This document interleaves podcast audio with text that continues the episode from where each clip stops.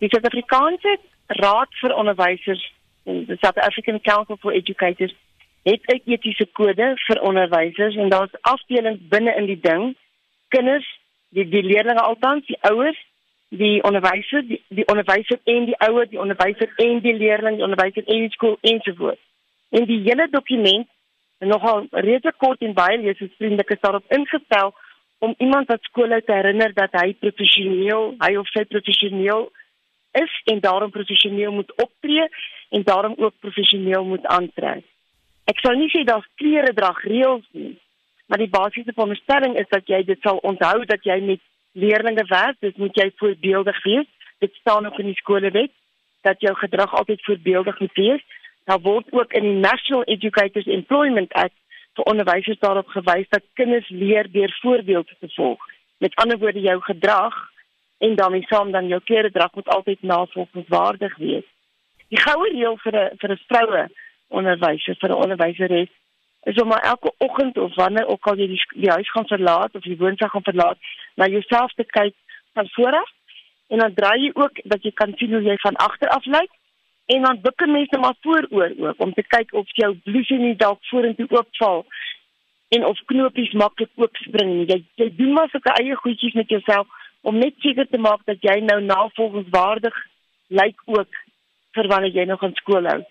Dit wil nie sê dat jy nooit jou sweetpak aantrek nie. Op sportdae sou mens tipies nou dalk jou sweetpak aantrek en jou ontspannende skoene, maar jy let dan dan besonder daarop dat jy bo langs aantrek die blouse professioneel is. Dis maar 'n goue reël en die onderwysers leer dit wanneer hulle veral gaan proef. Dan word hulle daarop gewys dat hulle nou nie met ontspanningsdrag moet gaan proef nie. Hulle is nou onderwysers.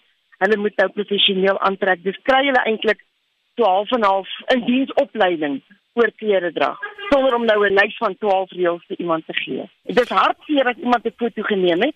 As dit byvoorbeeld 'n leerling is wat die foto geneem het, dan wonder mense dadelik oor die selfoonbeleid maar daarmee saam as die onderwyseres dan nou regtig in die klaskamer so gelyk het en die gemeenskap het beswaar daarteen moes hulle nou nie eintlik die foto geneem het nie moes hulle eintlik dan nou met haarself of as sy dan nou nie met hulle wil gesels daaroor nie met die skoolhoof daarin gaan praat het dis bitter jammer dat dit alweer op die sosiale media beland het want ons weet almal dit gaan nou heeltemal dwars oor die wêreld enige iemand wat nou daarna wil kyk Jy het so effens nou daarin ook geraak is dat hierdie kwessie dan op sosiale media bespreek is wat nou beteken hierdie juffrou is in die kolle gegooi saam met al die kinders wat op van hierdie fotos verskyn is hierdie die regte platform om te kla oor.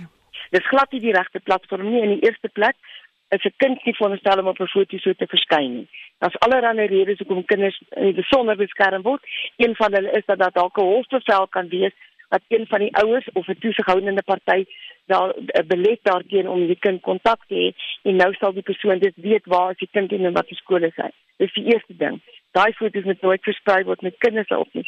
Tweedens is dit eintlik ons is nou lekker besig om mekaar te boelie. Dan moet ons nou maar ophou om vir mekaar te te sê hoe bekommerd is ons oor die boelie gedrag op skole want ons is nou besig as groot mense om mekaar te boelie en dis waar die kinders dit leer. Dis heeltemal die verkeerde platform en dit sal nou wees as 'n sussie wat in 'n bak water beland het wat te groot is. Hoe verder die sussie gaan swem, hoe dieper voel die water en hoe minder kom kom jy ooit by die oppervlak uit om nou weer te kan asem skep.